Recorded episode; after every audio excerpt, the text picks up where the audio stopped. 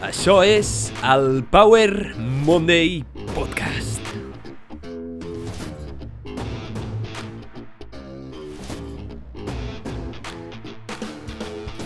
Benvinguts al Power Monday Podcast. Soc en Pau, el teu apassionat de salut, inspiració i ciència, i estic molt agraït de que estiguis escoltant aquest episodi. La paraula vegà és ara mateix una de les paraules més emocionals que existeix. Només sentir aquesta paraula et pot generar sensacions positives o negatives. Et pot encantar o et pot generar ràbia només de sentir la paraula vegà. I és que ara mateix, ja sigui vegà, veganisme, vegan, totes aquestes paraules tenen l'habilitat per despertar una resposta emocional que és innegable. En el món dominat per la indústria animal, però amb la possibilitat de deixar de dependre d'aquesta indústria, ens trobem amb un dilema. Els gràfics de la popularitat del veganisme durant els últims anys ha pujat exponencialment. Any rere any, ja sigui mirant el veganisme com a dieta, com a estil de vida, com a filosofia, com a paraula clau o com a tendència creixent al mercat, sembla que aquest moviment està creixent cada dia més. Tot i que les dades en línia sobre el creixement del veganisme no són exhaustives perquè molta gent es presenta com a vegà i no ho és, The Guardian calcula que ara mateix hi ha uns 79 milions de vegans al món. Aquesta tendència, que és evident, es preveu que creixi més encara. Aquesta tendència pot molestar alguns o encantar altres. Per això en aquest episodi parlaré de què és ser vegà, quins són els seus beneficis, quins són els seus reptes, quins són els problemes, com es pot fer una transició a una dieta i un estil de vida basada en plantes? I per últim també parlaré de la meva experiència personal com a persona que ha seguit una transició a una dieta vegana en els últims 5 anys aproximadament. Espero que aquest episodi sigui una bona entrada per conèixer què és el veganisme, per consolidar alguns temes d'interès, tot i que no tractaré tots els temes perquè és un món molt ampli i que t'ajudi a guanyar una mica de perspectiva i prendre una decisió més informada. Abans de res, deixa'm fer-te un petit recordatori. Si us plau, si t'agrada aquest contingut i creus que té el potencial d'ajudar alguna persona, comparteix-lo i m'ajudaràs moltíssim a fer arribar més enllà la paraula Power Monday Podcast. Em pots escoltar a moltes plataformes com Google Podcast, Spotify, Apple Podcast, entre d'altres, on tenim on em poses un m'agrada i un seguir. També pots seguir Instagram, arroba Power Monday Show, i a la xeta on pots donar suport a aquest contingut. Enllaços d'estudis i tota la pesca a la descripció. I ara sí, anem a començar aquest episodi sobre el veganisme. Som-hi! Què tal si comencem per al principi de tot? Que segurament ja ho sàpigues, però què és ser vegà i què no és ser vegà?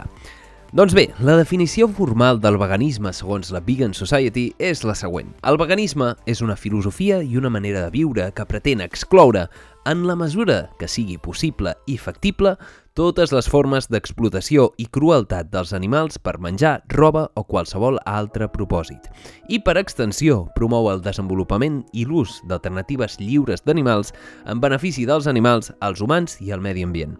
En aquest cas, quan parlem de nutrició, denota la pràctica de prescindir de tots els productes derivats total o parcialment d'animals, és a dir, no consumir cap producte d'origen animal. Cap, zero, ni un, cap, zero, eh? Val, està clar? Ser vegà és no consumir, en mesura del que sigui possible i factible, cap producte d'origen animal. Tot i que aquesta és la descripció d'aquest moviment filosòfic pràctic o aquest estil de vida, la realitat és que l'etiqueta vegà s'ha menjat a la filosofia i s'ha estès per fer-ne un ús social o un ús basat en el màrqueting, potser per facilitar les coses o per facilitar el creixement d'algunes empreses. Això et pot generar conflictes o malentesos en un concepte que era, en realitat, molt senzill, i és que una persona vegana és aquella persona que no consumeix productes d'origen animal en cap forma o presentació, sigui com sigui. Però bé, la gent es presenta socialment com a vegà tot i no ser-ho, perquè l'etiqueta social facilita la presentació. Per exemple, pots seguir una dieta completament basada en plantes, exceptuant que de tant en tant compres roba de cuir o fas alguna cosa que utilitza productes d'origen animal. Llavors, no ets una persona vegana, tècnicament. No segueixes la filosofia vegana al peu de la lletra. Però bé, sense entrar massa en el món de les etiquetes socials, vull que s'entengui el següent. El veganisme és un estil de vida, una filosofia. Per l'altra banda, una dieta vegana, una dieta completament basada en plantes, és un estil de nutrició.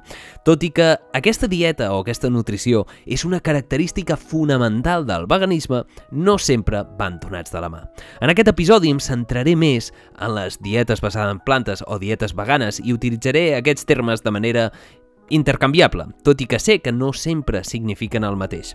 Per què? Perquè és el camp amb el que més m'he especialitzat, amb la nutrició en part, i per això parlarem més aviat de la nutrició vegana que no pas de l'estil o la filosofia pagana. Dit això, ser vegà o adoptar una nutrició vegana o comportar-se d'una manera propera a la filosofia vegana és una decisió. Una decisió que molts han pres i que cada dia més persones prenen. Que si tu volguessis, segurament podries prendre. Però per què fer-se vegà? Per què algú decideix canviar el seu estil de vida i allunyar-se de la majoria de la societat actual? Per què deixar de menjar allò que has menjat tota la vida? Quins són els motius pels quals una persona decideix fer aquest gran canvi en el seu estil de vida. Principalment existeixen tres motius, la salut, el medi ambient i l'ètica. En aquest episodi aniré punt per punt analitzant la situació de cada punt i com un estil de vida vegà una dieta basada en plantes pot o no causar un impacte en alguna d'aquestes tres àrees. Així que som-hi. Estadísticament, la principal motivació per la qual una persona fa una transició a una dieta vegana és l'ètica. Per tant, aquest és el punt número 1. El benestar animal és la principal causa per la qual la majoria de gent decideix adoptar aquest estil de vida. Que quedi clar, el veganisme no és estimar els animals sinó es tracta de viure amb compassió, que significa viure un estil de vida que involucri la menor quantitat possible d'explotació, violència, dolor, patiment i morts dels éssers vius, incloent els humans i els animals no humans. Quan parlem d'ètica, és molt interessant esmentar una cosa coneguda com agència moral. Què és això de l'agència moral? Doncs bé, és l'habilitat d'un individu per fer judicis morals basats en alguna noció del bé i el mal i de fer-se responsable de les accions que es prenen en conseqüència. Els agents morals tenen la responsabilitat moral, doncs, de no causar danys injustificats. Anem a posar un exemple perquè si no això no s'entén per enlloc. Per exemple, imagina que vas pel carrer i veus com una persona està maltractant brutalment un gos. El més probable és que tu entressis en acció i interrompessis o almenys cridessis l'atenció a la persona que està fent aquest acte. O almenys trucaries a la policia perquè la teva agència moral et diria que has de fer alguna cosa per aturar l'abús indiscriminat. I si no ho fessis, probablement et sentiries culpable o malament amb tu mateix. Ara imaginem-nos que aquest abús, en comptes de fer-li en un gos públicament, s'està fent un abús públicament a un porc. La majoria de gent faria el mateix, trucaria a la policia o denunciaria aquest maltracte públic. Però imagina't que existeix un mur entre tu i el porc que està sent maltractat. Amb el fet que saps que el porc està sent maltractat, però no pots veure-ho. Això no fa que l'abús sigui més moral que abans, però ja no tens l'agència moral per actuar, perquè ja no et sents culpable, perquè ja no ho veus. Segons el moviment vegà, la realitat és que si consumeixes animals quan no cal o quan no és necessari de manera innecessària, no només estàs ignorant el maltractament animal, sinó que també l'exigeixes pagant per aquest menjar, és a dir, promous la seva producció. En aquest exemple hipotètic, ara que existeix un mur entre tu i la víctima, tot i saber que existeixen víctimes, com és que la majoria seguim menjant carn? Com és que seguim sense sentir-nos culpables i ni tan sols qüestionem les nostres accions? Aquí és on entra en joc un efecte conegut com l'efecte de l'estrus, un tipus de viatge cognitiu que fa que la gent es negui deliberadament a acceptar la veritat sobre alguna cosa que és desagradable. És a dir, rebutjar la informació que percebem com a potencialment desagradable o que ens fa sentir malament. Per exemple, l'efecte de l'estrus pot fer que algú eviti mirar les seves factures perquè es preocupa veure fins a quin punt es troben en deute o evitar informació que pot comportar resultats perjudicials en diferents situacions. Llavors, en aquest exemple, en el que tècnicament qualsevol persona rebutjaria l'abús indiscriminat contra els animals i la violència i el maltractament, em fiquem el cap sota la sorra i preferim no mirar perquè aquesta informació ens fa sentir incòmode. Paul McCartney va dir una vegada si els escorxadors tinguessin parets de vidre, ningú menjaria carn o la gent seria vegetariana, perquè veuríem perquè tindríem aquesta agència moral en joc. No crec que tothom fos vegà simplement pel fet de veure quina és la realitat darrere dels escorxadors, perquè molts realment ja la coneixen. Però sí que l'agència moral ens portaria a qüestionar les nostres accions i probablement a aixecar-nos per lluitar contra les injustícies que veiem. Llavors, ojos que no ven, corazón que no siente, tu. Per seguir amb aquest punt, encara que sigui dur, intentaré no utilitzar el dramatisme ni altres tècniques per encisar-te amb el moviment del veganisme. Simplement intentaré explicar la realitat. I és que, encara que sembli absurd, sovint cau en l'oblit el fet de que els productes animals provenen d'éssers vius, sensibles, sociables, que són criats i explotats i aniquilats de manera sistemàtica per al benestar de l'home o per al gust de l'home o per les necessitats de l'home. De fet, la majoria de mamífers, tot i no tenir la capacitat racional que tenim nosaltres, s'ha demostrat que sí que tenen la mateixa capacitat emocional i senten emocions molt semblants a les nostres, i també amb la mateixa intensitat. És a dir, que poden patir, poden experimentar dolor i plaer de la mateixa manera que ho experimentem nosaltres, perquè són mecanismes que provenien abans de la raó, mecanismes de supervivència a nivell de sistema nerviós que es van instaurar abans que la nostra capacitat racional. Llavors, l'hamburguesa que mengem, abans de que la mengéssim, provenia d'un animal que no tenia ganes de morir, que el que volia fer era viure com qualsevol o la majoria d'éssers vius en aquest planeta. Perquè entenguis la pura realitat en la que vivim, segons les últimes estadístiques de la FAO, 77 milions d'animals de granja són sacrificats cada any per al consum humà a tot el món. Això equival a 211 milions d'animals per dia, o 8,8 milions per hora, o 2.442 animals per segon. Això és una gran quantitat de vides, gran quantitat d'animals que són sacrificats cada dia. Si vols anar més a prop, segons el Departament d'Agricultura de la Generalitat de Catalunya, anualment es sacrifiquen 22.451.793 porcs només a Catalunya. De fet, diàriament, únicament a Osona, d'on vinc jo, són, sacrificant, són sacrificats 33.000 porcs. Cada dia es maten, es sacrifiquen, s'assassinen, el sinònim que vulguis fer servir, diàriament 33.000 porcs a Osona.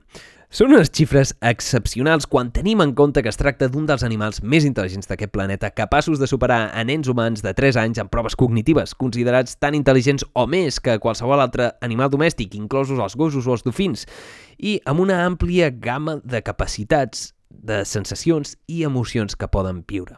Tot i això, els porcs els sacrifiquem diàriament i no ho fem amb els gossos. Això es defineix com a especisme. La nostra, bueno, és un exemple d'especisme, no és que sigui la definició d'especisme.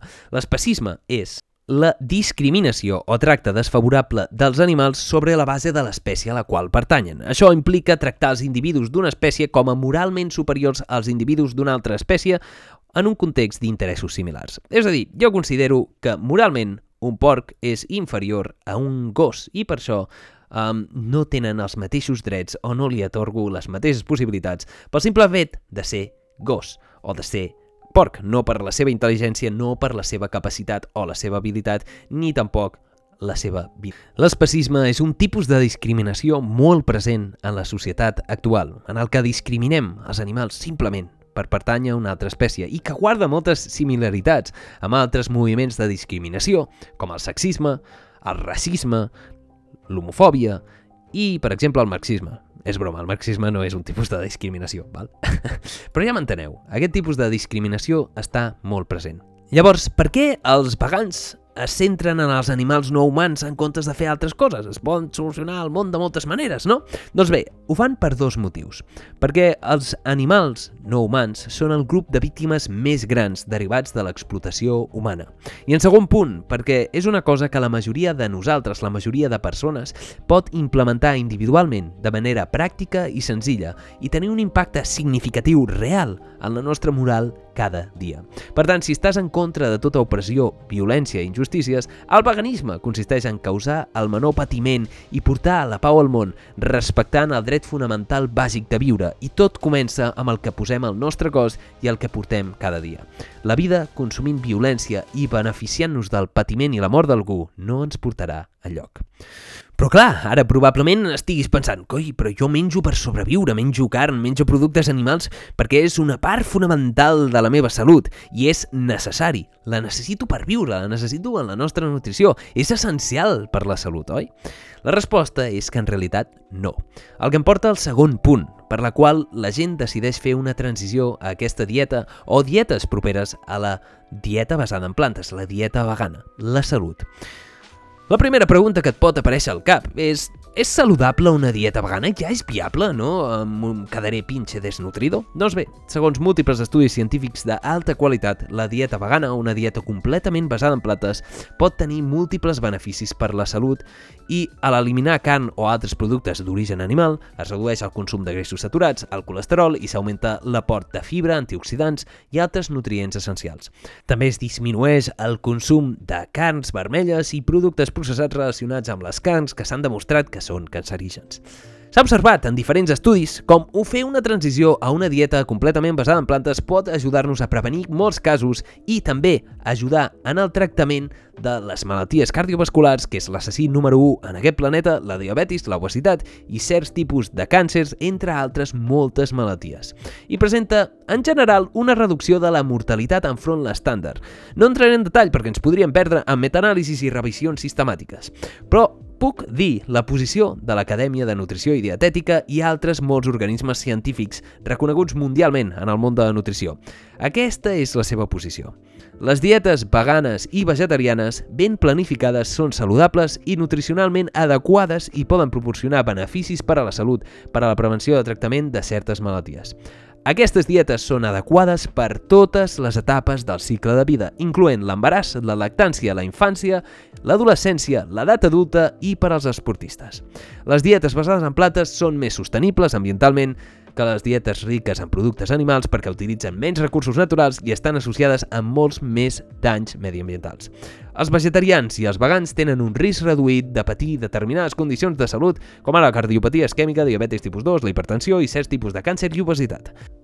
Aquesta és la posició dels grups més reconeguts a nivell nutricional mundial sobre les dietes veganes. Queda't amb aquesta frase. Les dietes veganes, sempre quan estiguin ben planificades, són adequades per qualsevol etapa de la vida, incloent l'embaràs i la lactància. Són adequades sempre quan estiguin ben planificades, com qualsevol dieta en el món.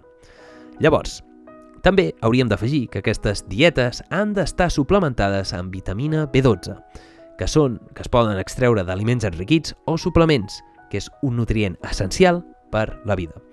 La vitamina B12 no entraré molt en detall, una vitamina d'origen bacterià que es sol trobar actualment quan ho consumim de productes d'origen animal, tot i que en, històricament no sempre ha sigut així.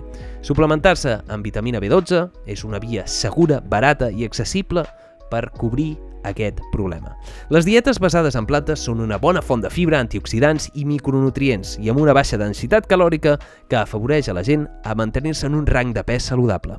Això significa que en el context d'abundància en el que ens trobem ara mateix, menjar productes d'origen animal no és en realitat una necessitat i que seguir una dieta vegana no obstant, la dieta vegana pot tenir certs problemes. Hi ha certs nutrients als quals s'hauria de posar més atenció, més focus. Aquests són el ferro, el calci, el zinc, els àcids grassos omega-3 i el iode.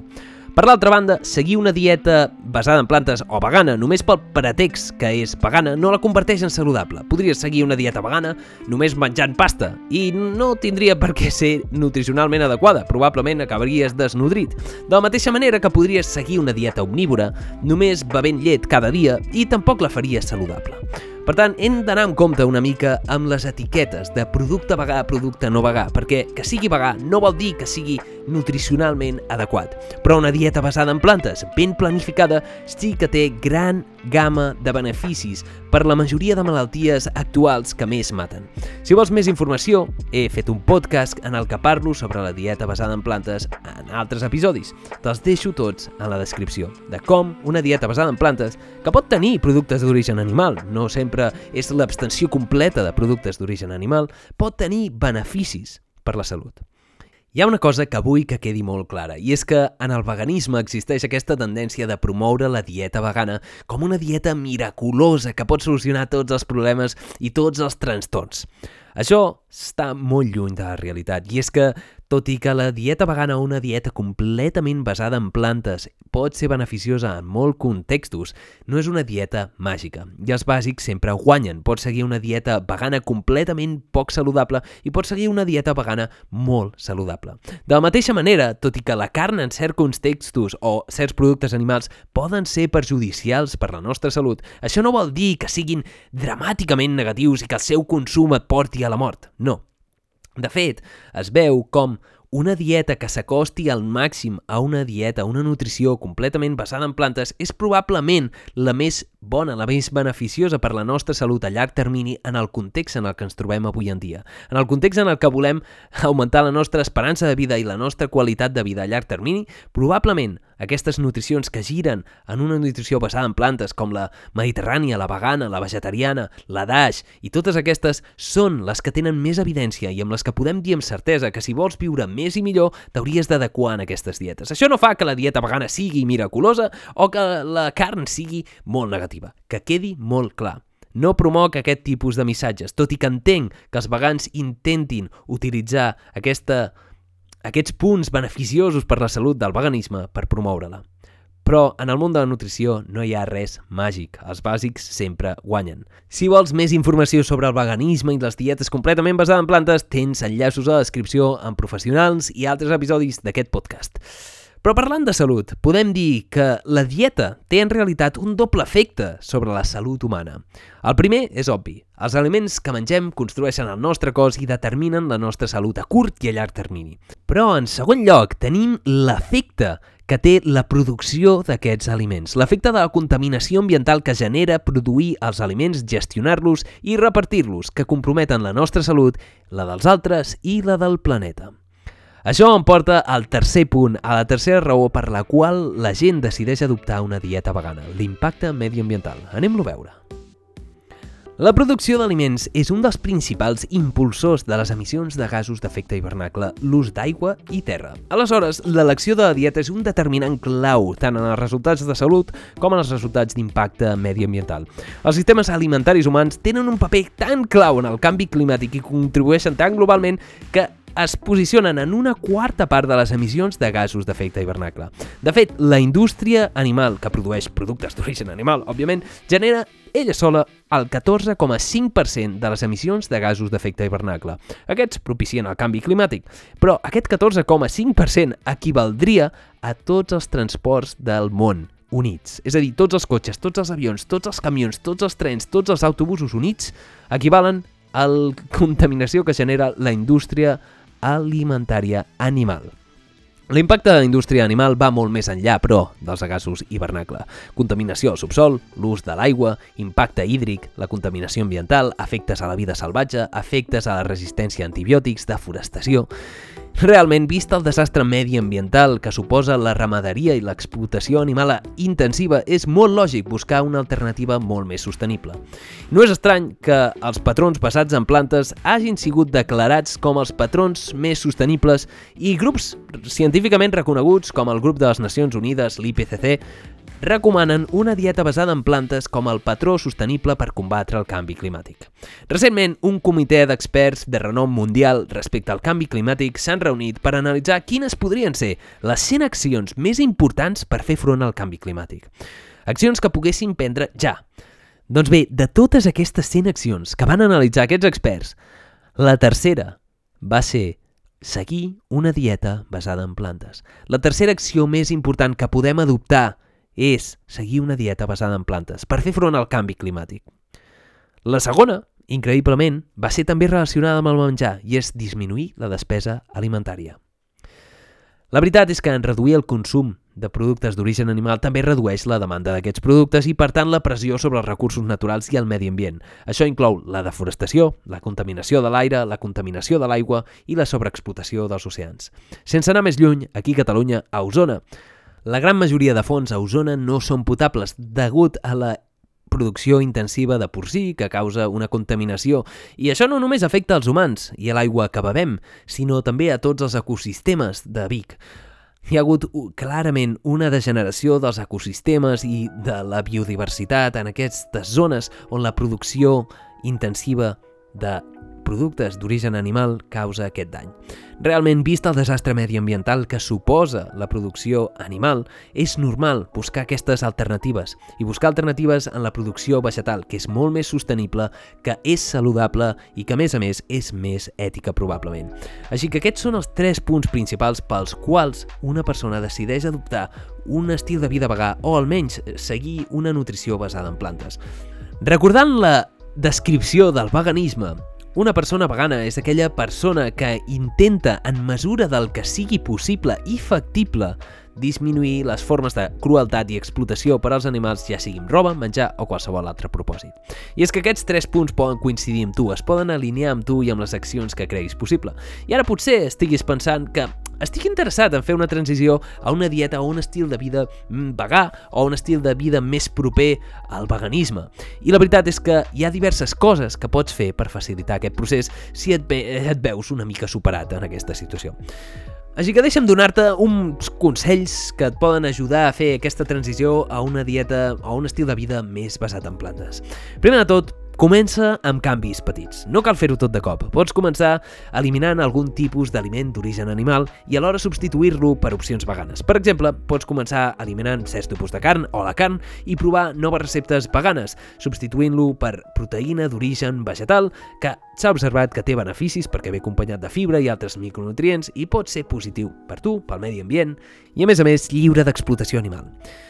Ara igual salta el típic. Però Pau, els vegans, eh, per fer el tofu, eh, també es, es, moren, es moren ratolins del camp. Clar, bueno, però també es moren ratolins del camp per produir el pinso que alimenta el porc i el porc també es mor.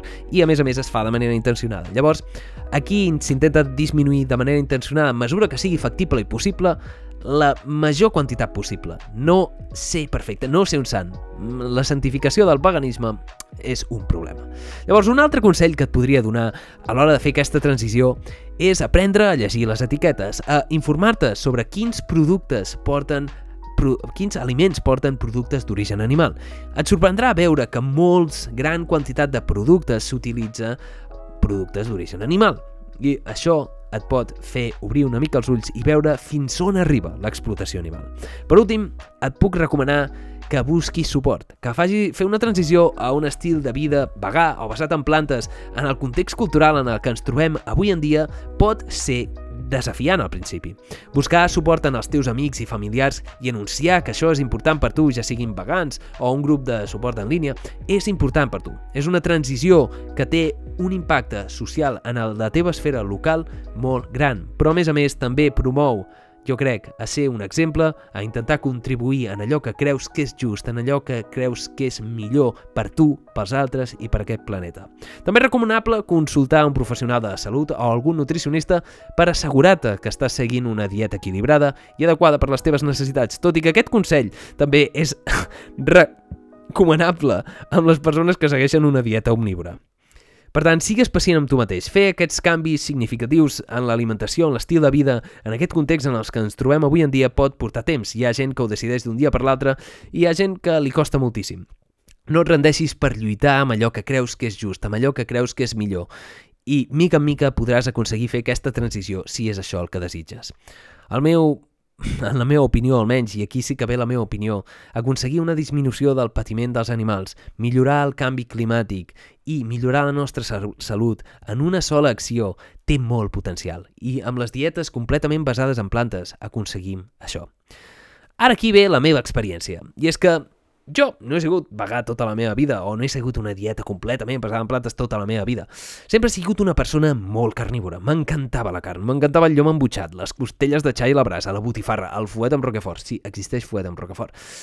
Però bé, farà 5 anys aproximadament vaig decidir adoptar una dieta vegana o una dieta completament basada en plantes d'un dia per l'altre. I és que en aquell moment jo acabava d'estudiar la carrera de farmàcia i en el meu cercle social ja feia temps que hi havia persones veganes. En un principi estava molt tancat a la possibilitat de seguir una alimentació sense productes animals i no creia que això fos viable. Tampoc creia que això tingués cap sentit en l'impacte mediambiental i que les meves accions realment no es vinculaven en la realitat. Per curiositat pròpia vaig començar a investigar, però no pas perquè em volgués fer-me vegà, sinó potser tot el contrari, i és que volia veure els disbarats que deia aquesta gent rara que no coneixia, que deien els vegans de, de menjar plantes i menjar tofu. Volia informar-me sobre la realitat, en realitat, per poder tenir arguments per justificar la meva posició més que per entendre la seva. Però en aquest procés em vaig endur una gran lliçó i una gran sorpresa. I és que, per més que investigava i per més que veia les dades, la informació dels grups de recerca més punters, dels grups més reconeguts i l'evidència de més qualitat, veia que una nutrició vegana no només és viable, sinó que té beneficis per la salut o pot implicar beneficis per la salut a llarg termini. Que no només la indústria animal causava impacte mediambiental, sinó que és una de les indústries amb més impacte i més destrossa a nivell mundial d'aquest món i que propicia el canvi climàtic. I per últim vaig veure el problema ètic, com milions i milions d'animals es sacrifiquen diàriament de manera indiscriminada. I vaig dir que això s'havia d'acabar.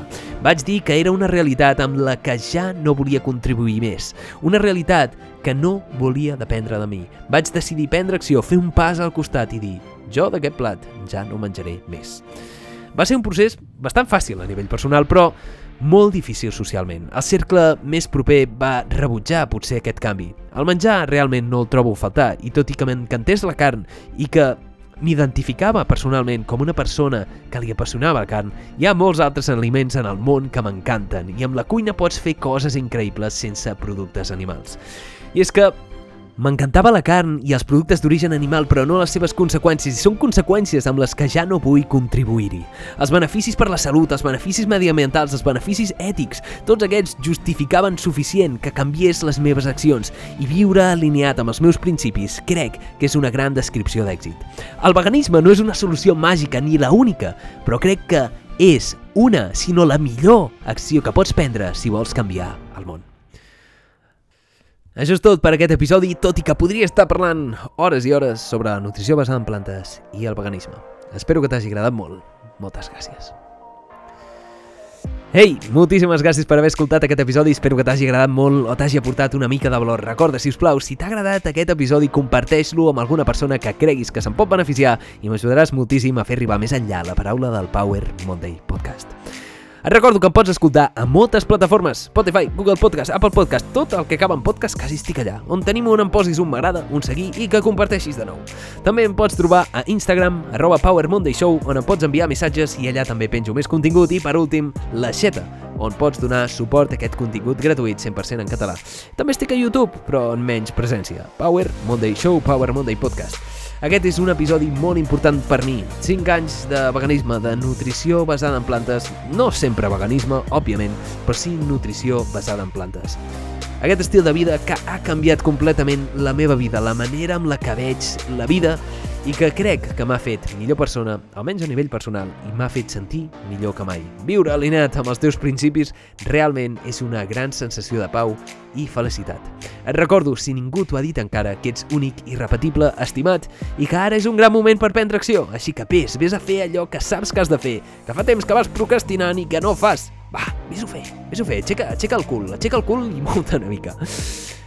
Com sempre, pots trobar més informació i tots els enllaços a la descripció i et desitjo una setmana èpica, plena de creixement personal, amor i llibertat per tu i per als que estimes. Bueno, queda una mica de, queda una mica de música encara, no sé, no sé què vols que t'expliqui. Hem menjat carn tota la vida, és natural. Doncs bé, que s'hagi fet tota la vida no vol dir que s'hagi de continuar fent. Per exemple, l'esclavitud, el sexisme, l'homofòbia i moltes altres tradicions culturals no són les més interessants ni les més boniques que fer. Així que, si us plau, no basem les nostres decisions només en la nostra història. Ciao i go vegan.